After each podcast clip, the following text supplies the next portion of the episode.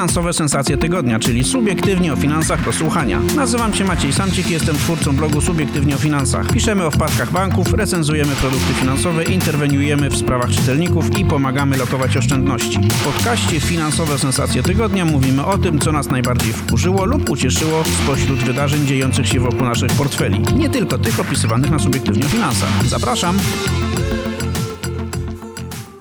Witam Was serdecznie w kolejnym odcinku podcastu Finansowe Sensacje Tygodnia. A właściwie witamy w e, komplecie, cała ekipa Subiektywnie o Finansach. Irek Sudak, dzień dobry. Maciek Bednarek, dzień dobry.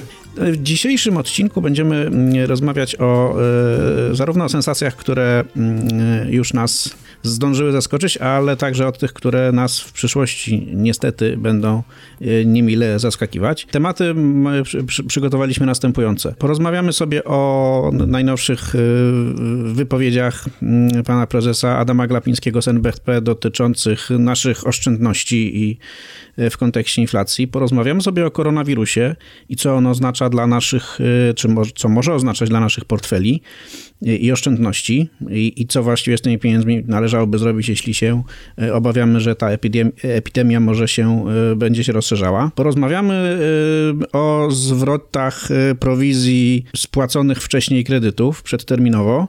Polityka banków w tym zakresie cały czas jest, budzi nasze zastrzeżenia. Przyjrzymy się E, największemu w Polsce parkowi rozrywki Santago. Oczywiście przyjrzymy się w kontekście naszych mm, domowych mm, finansów i wydatków, które trzeba ponieść, żeby, żeby się popluskać. No i jeszcze mamy kilka y, takich trochę mniejszych zdziwień natury interwencyjnej, o których y, y, powiemy za chwilę. Ale najpierw, za chwilę, za, zanim, zanim, zanim zaczniemy część podstawową, muszę się wam pochwalić. Otóż dzisiaj właśnie, w momencie, w którym nagrywamy ten podcast 25 lutego 2020 roku. E, w Subiektywnie o Finansach po raz pierwszy przekroczyło pół miliona użytkowników w skali mm, miesiąca. Po raz pierwszy w ostatnim miesiącu, licząc ostatnich 30 dni, było Was, naszych czytelników, ponad pół miliona, a dokładnie 504 tysiące złotych.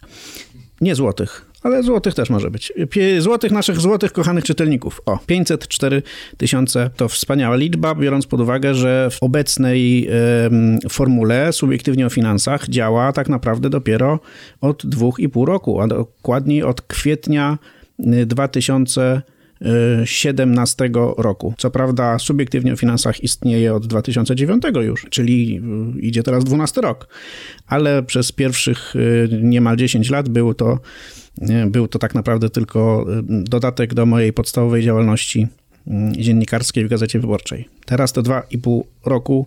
Ostatnie to, y, to była działalność i to jest działalność w nowej formule z, y, z całą ekipą i, i bardzo się cieszymy, że, że w, tak chętnie i coraz chętniej nas oglądacie i czytacie przede wszystkim. Oglądacie naszą stronę internetową. Dobrze, czas przejść do, do konkretów. Tu sobie za chwilę, jak nagramy ten podcast, wypijemy sobie jakieś małe co nieco. Podejrzewam, że będzie to niestety bezalkoholowy e, szampan dla dzieci, bo jesteśmy przecież w pracy. E, zdjęcia z tego świętowania pewnie wrzucimy na, nasze, na naszego Facebooka e, i Instagrama. A teraz skupimy się na sprawach ważnych dla waszych portfeli. Pierwszym tematem, który chciałbym poruszyć jest, y, są ostatnie wypowiedzi prezesa Narodowego Banku Polskiego Adama Glapińskiego, który mm, y, dosłownie kilka dni temu opublikował y, artykuł w Rzeczpospolitej, w którym to artykule przekonuje, że jeśli chodzi o inflację, to sytuacja jest pod kontrolą, a przyczyny tego, że ceny są coraz wyższe, leżą w ogóle poza Polską i my z tym w ogóle nie mamy nic wspólnego. No jak wiecie, ostatnie dane GUS-u o inflacji są takie, że mamy wzrost cen o 4 i 0,4 punktu procentowego w skali roku. I, I, to samo w sobie może nie jest jakąś sensacją, bo, bo takie rzeczy się zdarzają, natomiast w, jeśli dołożo, dołożymy do tego, że oprocentowanie bankowych depozytów jest najniższe w historii, wynosi 1,21 punktu procentowego w skali roku, to, to mamy sytuację, w której nasze oszczędności w dość zastraszającym tempie tracą na wartości. No i oczywiście y, powinno to moim zdaniem martwić szefa banku centralnego, y, ponieważ bank centralny jest powołany właśnie po to, żeby bronić naszych oszczędności przed spadkiem ich wartości, przed inflacją. A tymczasem pan prezes Adam Glapiński mówi tak, cytuję. Musimy pogodzić się z tym, że w bieżącym roku roczny wskaźnik inflacji będzie istotnie wyższy od celu banku centralnego, co wynika z oddziaływania czynników niezależnych od krajowej polityki pieniężnej. Wyższa inflacja ma jednak charakter przejściowy. W dłuższej perspektywie stabilność cen i trwale niska inflacja nie jest zagrożona. Gdyby jednak takie zagrożenie miało się kiedyś pojawić, bank centralny podejmie odpowiednie działanie. No, jeśli inflacja w wysokości 4,4% w skali roku nie jest niepokojąca i, i, nie wydaje się być z punktu widzenia banku centralnego jakąś e, powodem jakichkolwiek działań, no to ja się szczerze mówiąc dziwię. E, w podobnej sytuacji jest kilka innych krajów, także w środkowej Europie, tam też inflacja idzie w górę i na przykład czeski bank centralny ostatnio podwyższył stopy procentowe właśnie po to, żeby E, no, e, zareagować na, na, na, na tą dość e, no, spodziewaną przez ekonomistów, ale, ale no, przykrą dla oszczędzających okoliczność czyli bardzo wysoki wzrost cen i bardzo niskie oprocentowanie depozytów.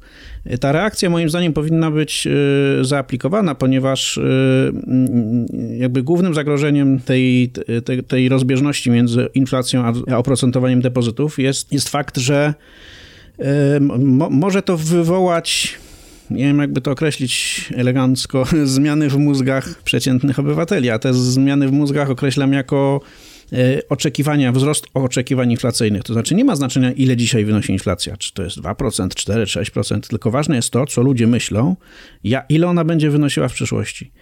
E, to znaczy, jeśli ludzie sobie wyryją w głowach, że ceny będą rosły, i nie ma innego wyjścia, no to będzie to samo sprawdzająca się przepowiednia i, rodzaj, i, powstanie rodzaj spirali, bo ci ludzie natychmiast pójdą po większe podwyżki do swoich pracodawców, będzie wzrośnie pers, presja płacowa, ludzie zaczną też zmieniać swoje e, zachowania, być może będą zabierać pieniądze z banków i być może będą je lokować na przykład w obcych walutach albo poza granicami. To wszystko może spowodować spadek wartości polskiej waluty, a w konsekwencji właściwie nakręcanie spirali inflacyjnej i spadek zaufania do polskiej waluty na koniec. Więc na miejscu prezesa NBP raczej bym starał się uspokajać posiadaczy oszczędności, a, a pan prezes tak jakoś bardzo lekko przeszedł do porządku dziennego nad tą sytuacją i mówi, że to trzeba się z tym pogodzić, że wasze pieniądze, drodzy ludzie, będą teraz mniej warte, a może w przyszłości będą warte więcej.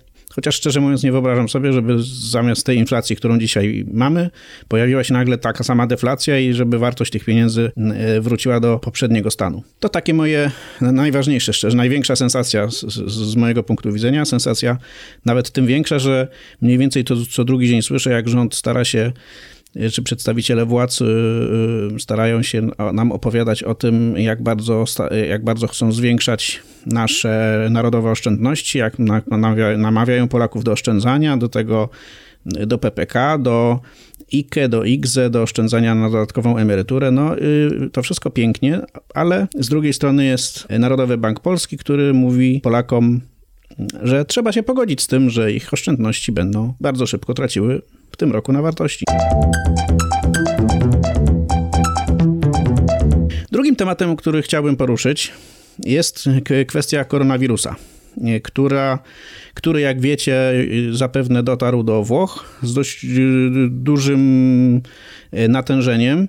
E, w niektóre media włoskie nawet alarmują, że właściwie połowa kraju jest odcięta od e, świata.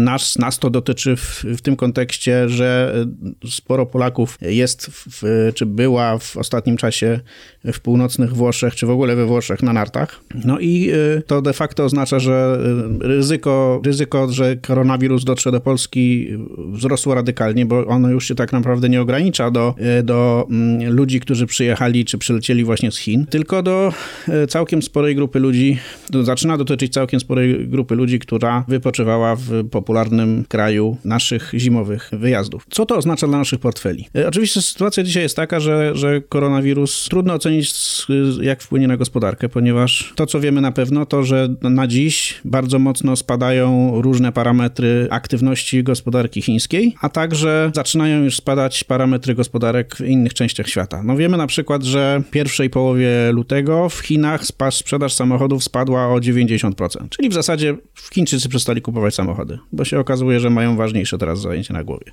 E, wiemy, że mm, w styczniu spadła o 40% sprzedaż smartfonów Wiemy, że duża część fabryk nie pracuje. Wiemy na przykład, że jeśli mówimy o przenoszeniu się tego konsekwencji na inne kontynenty, to wiemy też, że na przykład we Francji już dziś obserwujemy spadek natężenia podróżowania o 30-35%. Branża logistyczna też już odczuwa spowolnienie.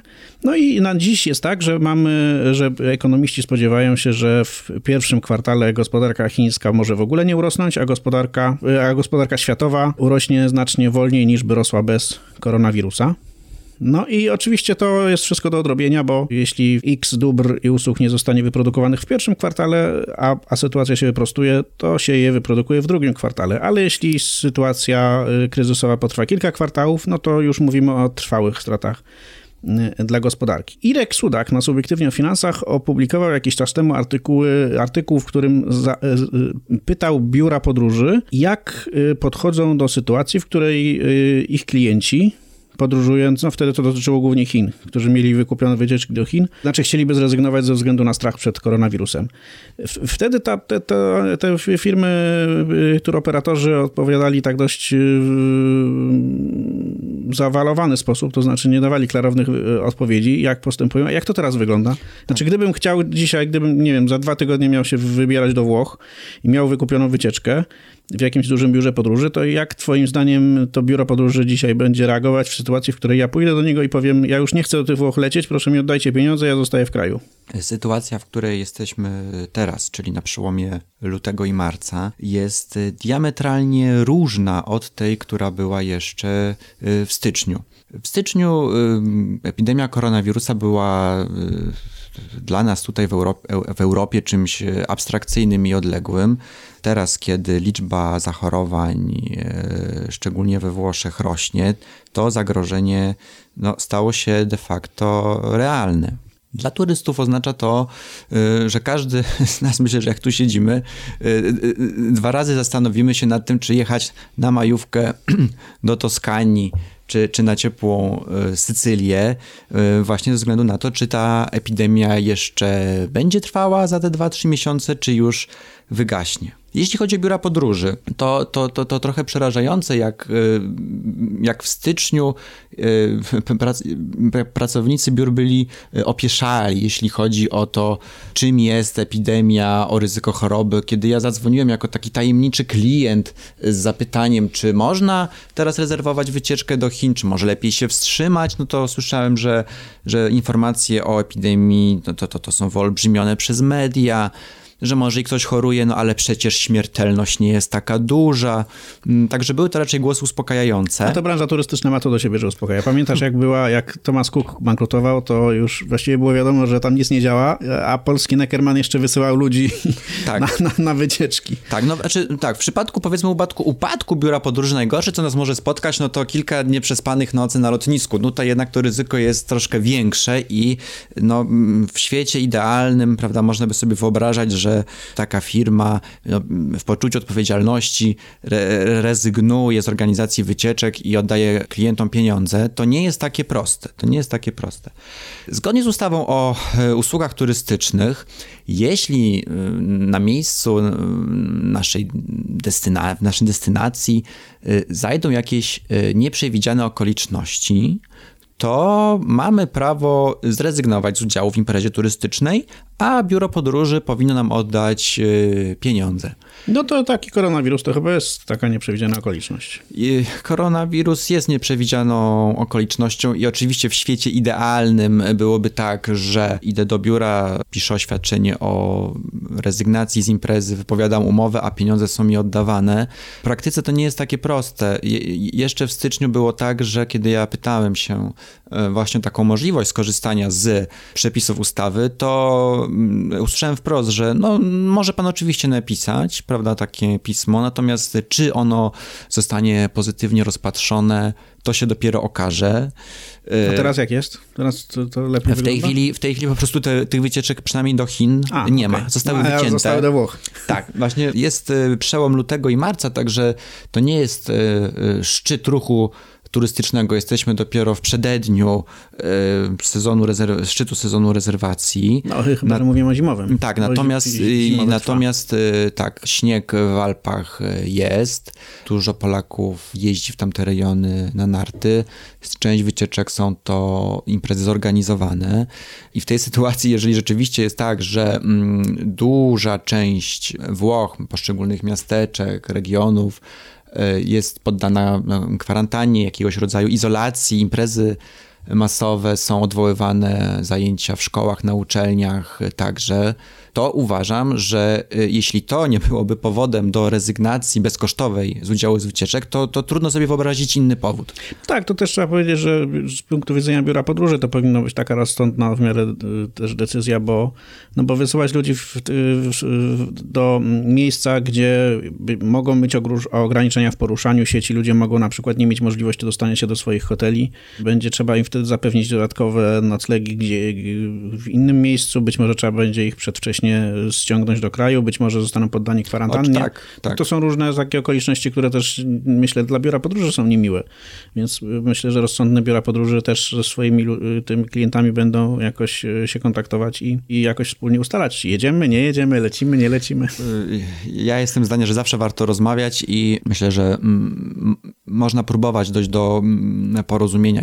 Jeżeli widzimy, że stanowisko biura podróży jest e, twarde, że e, nie chce oddać pieniędzy, no to oczywiście możemy iść na noże, iść w tej sprawie do sądu, y, ale może po prostu lepiej zamienić tą, tę wycieczkę na jakiś inny, bardziej y, bezpieczny kierunek, chociaż y, w takich miejscu ubywa w tempie zastraszającym. No to nawet nie chodzi pewnie o to, czy miejsce jest mniej czy bardziej bezpieczne, tylko o to, że na, w portach lotniczych, na lotniskach i w samolotach po prostu jest jedna, to jest jeden wielki targ bakterii przeróżnych, tak? I i, i nieważne dokąd się leci, to po prostu to, to miejsce jest e, miejscem podwyższonego ryzyka w tym momencie. E, no, ja jeszcze może dwa słowa bym powiedział, kończąc o ten wątek, no bo oczywiście to, to my trochę tutaj ulegamy panice, bo, bo widać, że tych zachorowań już jest znacznie, one bardziej szyb, znacznie szybciej rosną niż, czyli ich liczba znacznie szybciej rośnie niż przy poprzednich tego typu epidemiach typu SARS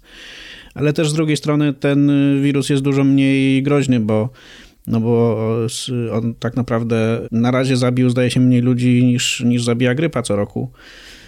E, więc może też nie warto popadać w jakąś wielką panikę.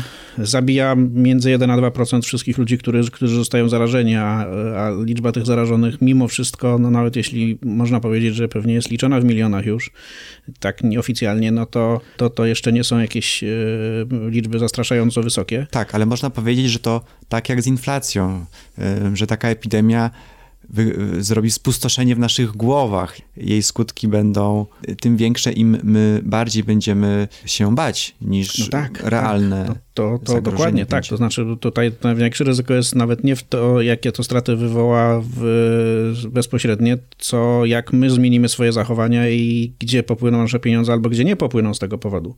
No i, i ja mam tylko jedno taką, jedno spostrzeżenie, bo w sytuacjach kryzysowych zwykle jest tak, że pojawiają się znaczy, wygrywają ci, którzy mają gotówkę e, pod ręką. Więc gdybym miał coś radzić ludziom, którzy uważają, że to pójdzie w złym kierunku, że to nie będzie tak łatwo, że to koronawirus się sam nie, e, nie zlikwiduje, że on nas będzie jeszcze męczył przez, nie przez jeden kwartał, tylko przez pięć, to ja bym po prostu e, radził takim osobom gromadzić pieniądze w bezpiecznych i płynnych przede wszystkim formach oszczędzania, z naciskiem na płynnych, bo w takich sytuacjach mocno kryzysowych, kiedy wszyscy się dookoła boją, wygrywają ci, którzy mają pieniądze i mogą skorzystać z okazji.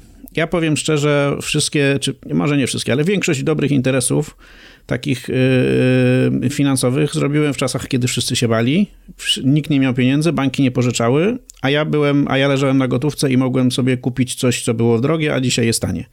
I wydaje mi się, że to powinno być motto dla wszystkich, którzy spodziewają się, że to pójdzie w złym kierunku. Mieć pieniądze ulokowane w taki sposób, żeby mm, móc się szybko w miarę czego z tych inwestycji wycofać i, y, i zrobić jakiś y, dobry interes w, w sytuacji, w której, nie wiem, spadną akcje, może, może ceny nieruchomości przestaną rosnąć, e, gdyby sytuacja poszła w złą stronę. No, będzie pewnie kilka e, okazji. No dobrze, ży, życzymy światowym władzom, żeby poradziły sobie z tym koronawirusem i biegniemy dalej do następnego tematu.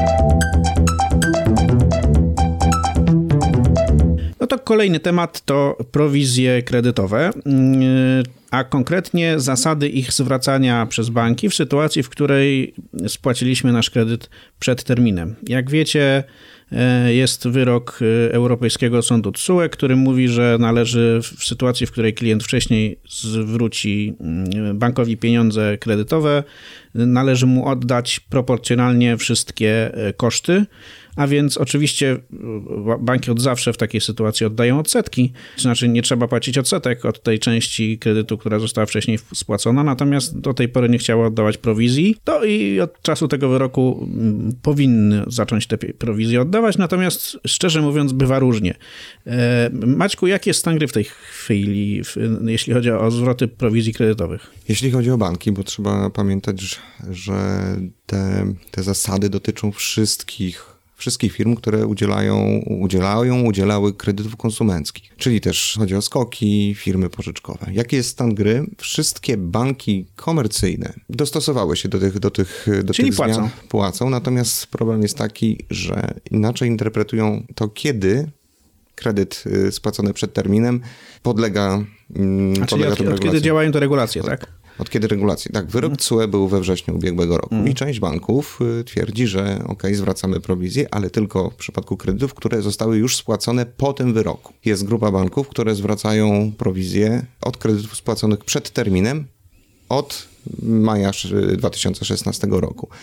Natomiast Łokik, rzecznik finansowy, uważają, że zgodnie z artykułem 49 ustawy o kredycie konsumenckim, te zwroty powinny dotyczyć wszystkich kredytów zaciągniętych po wejściu w życie tej ustawy, czyli mówimy tu o grudniu 2011 roku. Czyli, no, czyli krótko mówiąc, jeśli spłaciłeś kredyt, zaciągnąłeś kredyt i spłaciłeś go przed terminem po 2011 roku, to właściwie to ci przysługuje ci zwrot części prowizji. Taki jest stan gry według, znaczy stan prawny nawet, nie stan gry, jeśli chodzi o, e, o to, co mówią u KIK-u i u, u rzecznika finansowego. Natomiast rozumiem, że nie wszystkie banki się do tego stosują i pewnie byłby to mały problem, gdybyśmy mieli sprawny system sądownictwa, bo wtedy jeśli bank nie wykonuje jakiegoś orzeczenia sądu, na przykład europejskiego, to ja składam pozew do sądu o zwrot tych pieniędzy razem z odsetkami i być może jeszcze jakimś, jakimś odszkodowaniem za moje straty zszargane nerwy i w ciągu pół roku y, dostaję prawomocny wyrok, wysyłam do banku y, komornika i odzyskuję pieniądze, tak? No tylko, że to jest Polska i tutaj to tak nie działa. Z jakimi problemami dzisiaj związanymi z tymi prowizjami kredytowymi ludzie się do ciebie zwracają? No, przede wszystkim, że bank y, nie zwrócił prowizji, tak? Czyli na przykład zasłania się tym, że no, kredyt był zaciągnięty gdzieś tam w 2015-16 mhm. roku, spłacony w 2017 i to nie dotyczy, tak? I, jest I, co, I co wtedy robić? Y, Bo my to opisujemy ja... od czasu do czasu, tak? Więc tam wskazujemy mm. palcem te banki, które są, które się, które się wyłamują i które postępują nie fair tak naprawdę. Y, I to, to jest powiedzmy coś w rodzaju takiego takiej próby czy po, po, tworzenia takiej presji mm, konsumenckiej i tłumaczenia bankom, słuchajcie, no albo, albo się będziecie zachowywać fair, albo może się zdarzyć tak, że e, że nie będziecie mieli zbyt wielu nowych klientów, no bo ludzie się naczytają, że nie oddajecie pieniędzy, no to dlaczego ludzie mieliby z takimi bankami współpracować? Znaczy, ja, ja mam taką radę, ja bym apelował o cierpliwość. Sprawa jest dość świeża, tak? Gdyby nie było tego wyroku CUE, albo ten wyrok byłby później, na przykład pół roku później, albo wcześniej, tak? To wtedy ta sprawa by ożyła. Dopiero teraz banki zaczęły, mm, zaczęły te prowizje rozliczać. Ktoś, kto mm, po wyroku CUE we wrześniu, y, na przykład w październiku wystąpił do banku o zwrot prowizji, mm, gdyby gdyby ten wyrok CUE był na przykład teraz, tak, w lutym, pół roku mhm. później, więc można poczekać, a... Czyli żeby, że sugerujesz, że dobrze, dobrze by było, jeśli jesteś klientem jednego z tych banków, które nie oddają tak bezproblemowo tych pieniędzy, listę tych banków znajdziecie bez problemu na subiektywnie o finansach w tekstach, tekstach Maćka Bednarka. E, jeśli jesteś klientem tego banku i chciałbyś dostać zwrot swojej części swojej prowizji kredytowej, to jeszcze poczekaj kilka miesięcy, aż ten bank pójdzie po rozum do głowy, tak? Dobrze pójdzie rozumiem? po rozum, dokładnie, pójdzie po rozum do głowy mm, pod wpływem pewnych działań. Ja mam na myśli konkretnie działania Łokiku. Kilka dni temu Łokik mm, wydał decyzję w sprawie banku pocztowego. Ten bank stał na stanowisku, że te zwroty należą się już po y, ogłoszeniu wyroku TSUE, czyli dopiero spłaconych po wrześniu 2019 roku. Natomiast Łokik wydał decyzję dotyczącym produktu banku pocztowego, który był udzielany na przełomie 2015 i 2016 roku. To jest wyrok w sprawie jednego banku, konkretnego produktu, który był w tym czasie e, udzielany, ale moim zdaniem jest to wyraźny sygnał do innych banków. Pogrodziliśmy, dogadaliśmy się z bankiem pocztowym. Bank pocztowy wystawił na swojej stronie informację, na podstawie e, której klienci mogą ubiegać się mm, o zwrot prowizji właśnie tamtego kredytu, ale to jest taki sygnał dla całego rynku. Tak, opamiętajcie się i, i stosujcie jedną e, interpretację przepisów, czyli zwracajcie też e, prowizję od kredytów spłaconych w poprzednich latach. Tak, bo rozumiem, że jak UOKiK je sprawą zajmie, to już nie tylko trzeba będzie oddać tę prowizję, co też zapłacić jakąś karę, a UOKiK ma to do siebie, że lubi przyznawać e, wysokie kary bo pieniądze idą do Skarbu Państwa, a Skarb Państwa potrzebuje mm, tej kasy ze względu na swoje wypasione potrzeby transferów socjalnych. Mhm. Więc no to jakby jedyny problem z Łokikiem jest taki, że te wyroki tam zapadają nierychliwie tak, i, i od momentu, kiedy Łokik coś tam mm, przed się weźmie w danej sprawie do momentu, kiedy rzeczywiście bank będzie musiał zapłacić, upływa kilka lat. Ale mamy nadzieję, że to się wszystko wyprostuje i, i no, wolno, bo wolno, ale idzie ku dobremu chyba. No myślę, że tak, więc ja odpowiadam naszym czytelnikom, tak proszę o chwilę cierpliwości. Sprawę można zgłosić do rzecznika finansowego, który te sprawy wszystkie zbiera, monitoruje. Oczywiście można od razu pójść do sądu. Ja czekam na taki pierwszy wyrok, y, który no, rozwieje, będzie pre precedensowy w tej sprawie. No, piszcie też do nas, tak? No, jeśli będziemy wiedzieli, że jakaś instytucja finansowa szczególnie opornie się zachowuje, szczególnie brzydko z nami pogrywa, to oczywiście będziemy to nagłaśniać. I myślę, że to też może być taka dość skuteczna forma nacisku. Tak podobnie jak w przypadku y, koronawirusa i, tego, tych ewentualnych problemów z odzyskiwaniem pieniędzy, jeśli chodzi o, o, o wycieczki to, e, to tutaj piszcie do nas w razie jakichkolwiek problemów na e, adres e-mailowy kontakt e, małpka subiektywnie o finansach.pl. No ale sam fakt najważniejszy, czy bank oddaje prowizję, rozlicza te prowizje, to, to nie jest jedyny problem. No bo pojawia się kolejny, na przykład, czy klientowi należą się odsetki za zwłokę. Jeżeli kredyt wzięliśmy na przykład w 2015, spłaciliśmy po kilku miesiącach, bank nie rozliczył się wtedy z nami z tej prowizji, czyli jest w posiadaniu naszych pieniędzy, tak, do dzisiaj. I według tutaj opinii rzecznika finansowego klientom powinny się należeć jeszcze odsetki od tej przetrzymywanej, yy, niezwróconej prowizji kilka lat temu. Kolejna sprawa, reklamacje. To jest rzecz nagminna. Bank, są banki, które się no, próbowały tak prokonsumencko wypromować. Yy, obiecując klientom automatyczne rozliczanie tych Czyli, prowizji. że w ogóle nie musisz tak. zwra- się zwracać z reklamacją. Tak, tylko że tak? to dotyczy tych kredytów, które rzeczywiście były w ostatnim okresie już spłacone, czyli po, po wyroku wrześniowym e, CUE. E, natomiast no, jeżeli chcemy uzyskać zwrot z tych kredytów e, spłaconych kilka lat temu, to musimy wystąpić z wnioskiem albo w trybie reklamacyjnym i banki tutaj notorycznie ten termin 30 dni y, przekraczają. A, bo zgodnie, zgodnie z prawem y, bank ma 30 dni na rozpatrzenie reklamacji. Jeśli do tej pory nie rozpatrzy, to y, automatycznie ta reklamacja wchodzi w tryb uznana. Mhm. Tak, tylko zwróćcie uwagę na pewien problem przy prowizjach. Często nie mamy dokumentacji kredytowej, nie mamy harmonogramu, nie jesteśmy, w, nie, nie wiemy tak naprawdę. Znaczy nie wiemy, ile, się... pieniędzy nam się należy. Dokładnie. Tak. Bank to wylicza. Mhm. Oczywiście możemy bank poprosić, bank nie, nie pokazuje, to jest też kolejny problem, że bank nie pokazuje, w jaki sposób obliczył y, ten zwrot. Jeżeli w reklamacji nie powiemy, czego żądamy, tak? tak. Czy na przykład obliczyliśmy, że nam się należy 500 zł. Tak? A, czy ten termin 30 dni nas obowiązuje? Jeśli my nie sprecyzowaliśmy naszej... naszego no, roszczenia. No, no, właśnie. Co z tego, że bank przekroczył te 30 dni? To, to znaczy, że co? Że y, moja y, żądanie zwrotu prowizji jest zasadne, tylko tak. pytanie. Tylko ile? ile? I to też jest e, temat, temat bardzo ciekawy, którym się no, zajmiemy. Już zajmiemy się tym w najbliższych dniach. I, a, a, a tak szczerze mówiąc, to pewnie byłoby miło, gdyby powstał jakiś, to może jest to do Związku Banków Polskich taka propozycja, żeby jakiś kalkulator wystawili, żeby sobie ludzie mogli sami policzyć.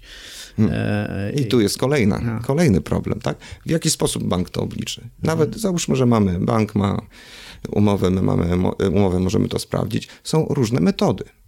UOKiK uważa, że mm, bank powinien się rozliczać tak zwaną metodą liniową. Polega ona na tym e, w dużym skrócie, że liczymy ile kosztów, kosztów kredytowych, prowizji na przykład, przypada na, e, na każdy dzień e, trwania kredytu i potem obliczamy, kiedy został kredyt spłacony, ile zostało po prostu propor proporcjonalnie. Ale są metody inne i banki się upierają, że takim wolno liczyć i one są mniej korzystne dla klientów, co też za chwilkę pokażemy na mhm. subiektywnie o finansach. O, to zapraszamy Was do, do czytania, do zaglądania na subiektywnie o finansach, o tych e, różnych pomysłach banków, jakby tu zapłacić mniej niż powinni, albo, albo jakby jeszcze rozciągnąć w czasie ten przykry moment. E, będziemy o tym pisać na subiektywnie o finansach, a teraz biegniemy dalej. Kolejny temat rozrywkowy. Od kilku dni działa w Polsce e, największy, największy w Polsce, największy chyba w Europie w ogóle zadaszony park e, wodny, Santago się nazywa, między Warszawą a Łodzią, 60 km od Warszawy.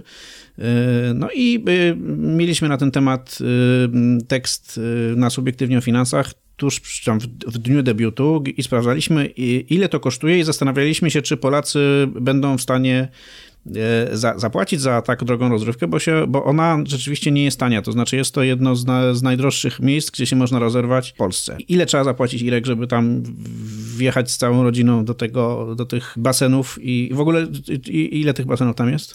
Basenów jest kilka.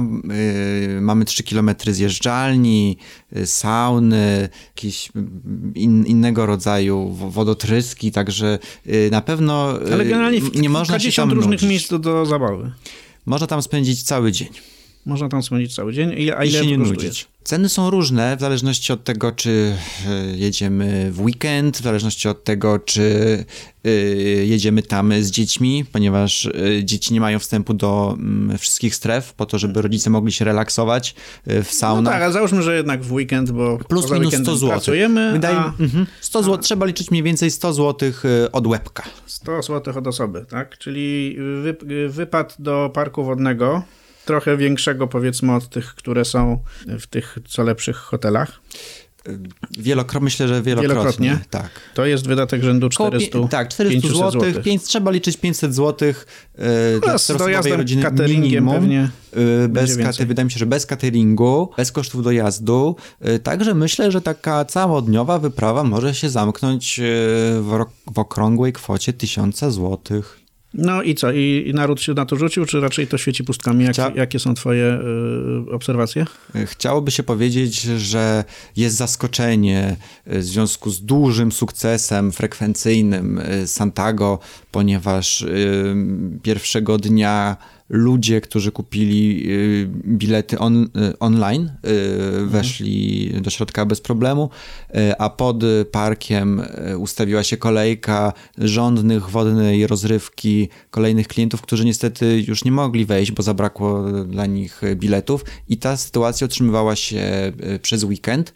W tej chwili można kupić już bilety z jednodniowym wyprzedzeniem. Znaczy, jakbym dzisiaj chciał tam pojechać do Santago i się wypluskać, to i tak po prostu tam wejść, nie mając wcześniej zarezerwowanego biletu, to też nie wejdzie. Tak, nie. Możesz kupić, na pewno możesz jutro. kupić bilety na jutro i wydaje mi się, że to jest bezpieczna opcja, bo co się tam działo po, po, po tych kolejkach, ja bym po prostu nie ryzykował tego, że pocałuję klamkę. No tak, a te ceny, bo ty porównywałeś ceny tego wejściówki do Santago z Tak, innymi z tego innymi- typu rozrywkami i one są chyba mniej więcej porównywalne niestety.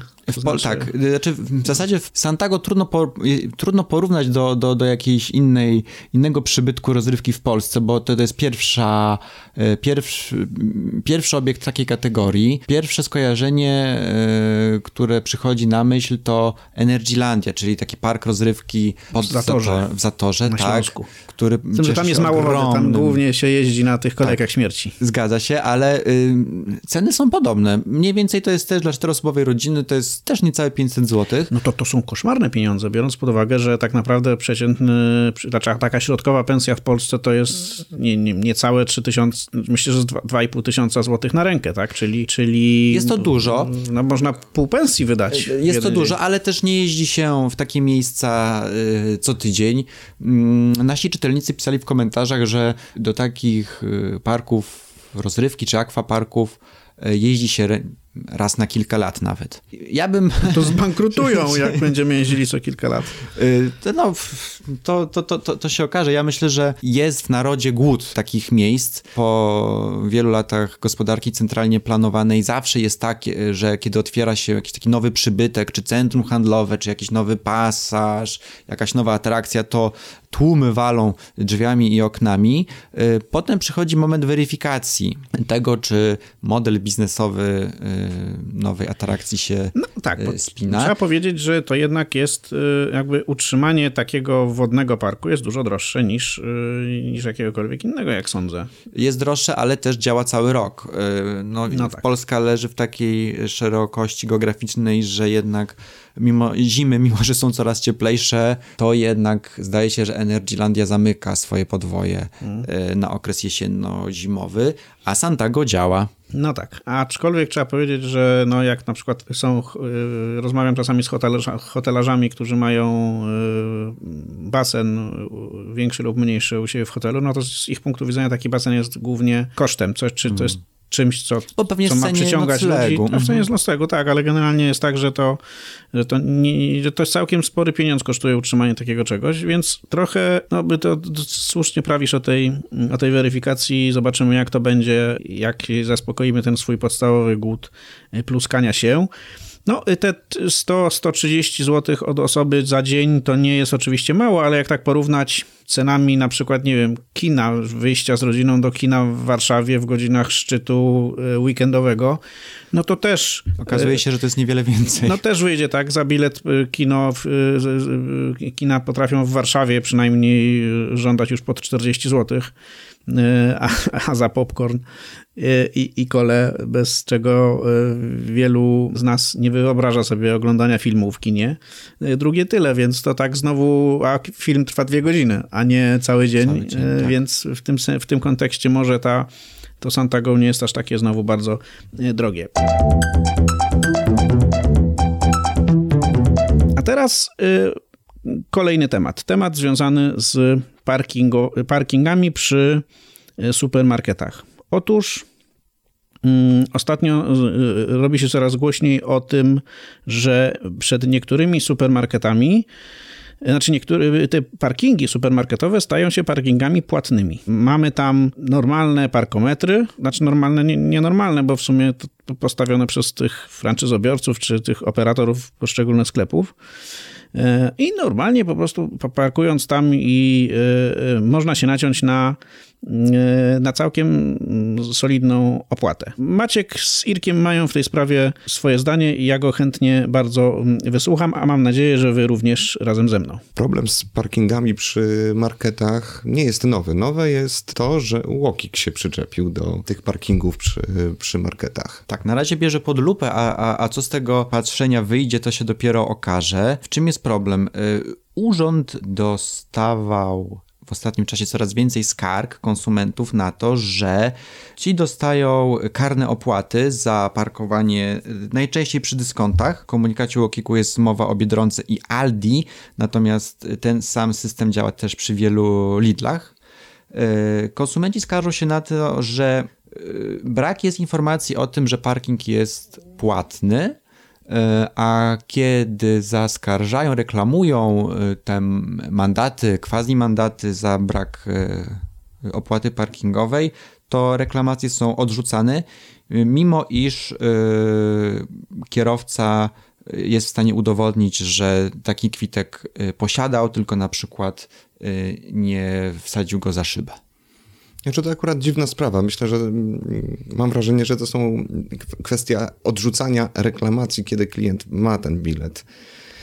To, to jest, jest podejrzane. To jest, mhm. jest to pewnie jakaś, jakaś pojedyncza, detaliczna sprawa tak, do wyjaśnienia. Natomiast y, mm, jak przeczytałem ten komunikat o Kiku, to y, przypomniałem sobie, że byłem w podobnej sytuacji.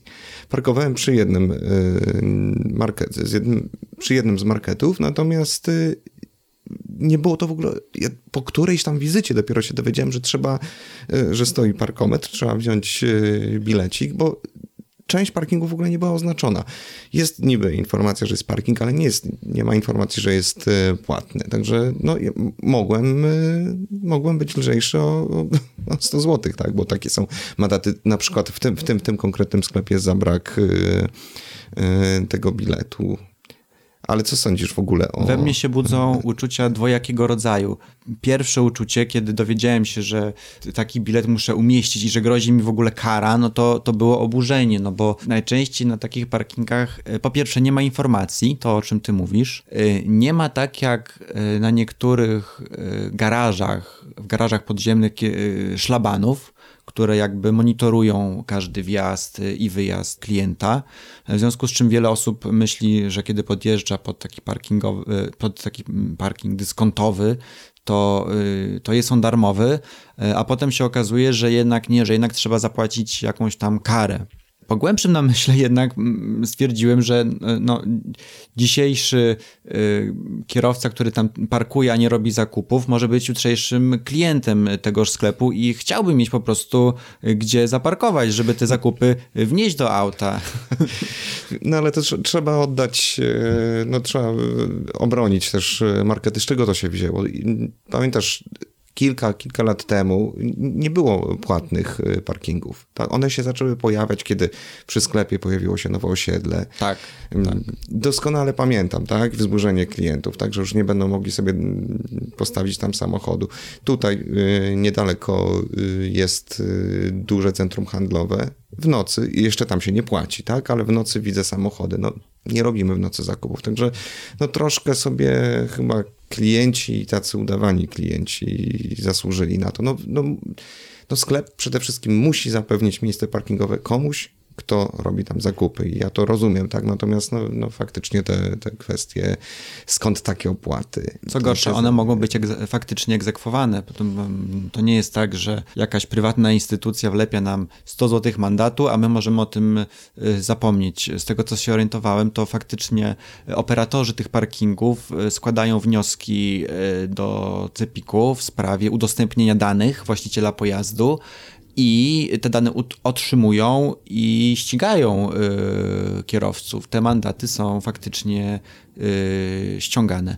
Y, ja się zastanawiam jeszcze nad czym innym. Czy byłaby w takich, takich sytuacjach mm, możliwość takiej miękkiej perswazji, czyli na przykład jakieś karteczki z, z, wyjaśnieniem, z opisaniem sytuacji, która brzmiałaby mniej więcej tak, że drogi kierowco, dziękujemy, że do nas przyjechałeś, no ale jednak zaraz przyjadą tutaj e, klienci, którzy naprawdę muszą skorzystać z tych miejsc parkingowych i one są im bardziej potrzebne, czy, czy w związku z tym nie mógłbyś, prawda, poszukać miejsca gdzieś indziej? Czy takie coś by zadziałało? No, obawiam się, że, że, że, że, że jeszcze nie, że jeszcze nie, dorośli, nie dorośliśmy do takiego zachowania. Okej, okay, taka e, ulotki może, tak? Nie parkuj na mm -hmm. tak. Pierwsze ostrzeżenie, samochód na, e, nie na czerwonej, tylko na żółtej liście ostrzegawczej. Na przykład. No nic, zobaczymy. Będziemy też śledzić ten temat.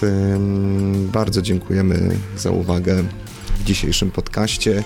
Irek Sudak. Maciek Samcik. Maciek Bednarek. Do zobaczenia wkrótce. Inne odcinki tego podcastu znajdziesz na stronie Subiektywnie o Finansach www.subiektywnieofinansach.pl. Zapraszam!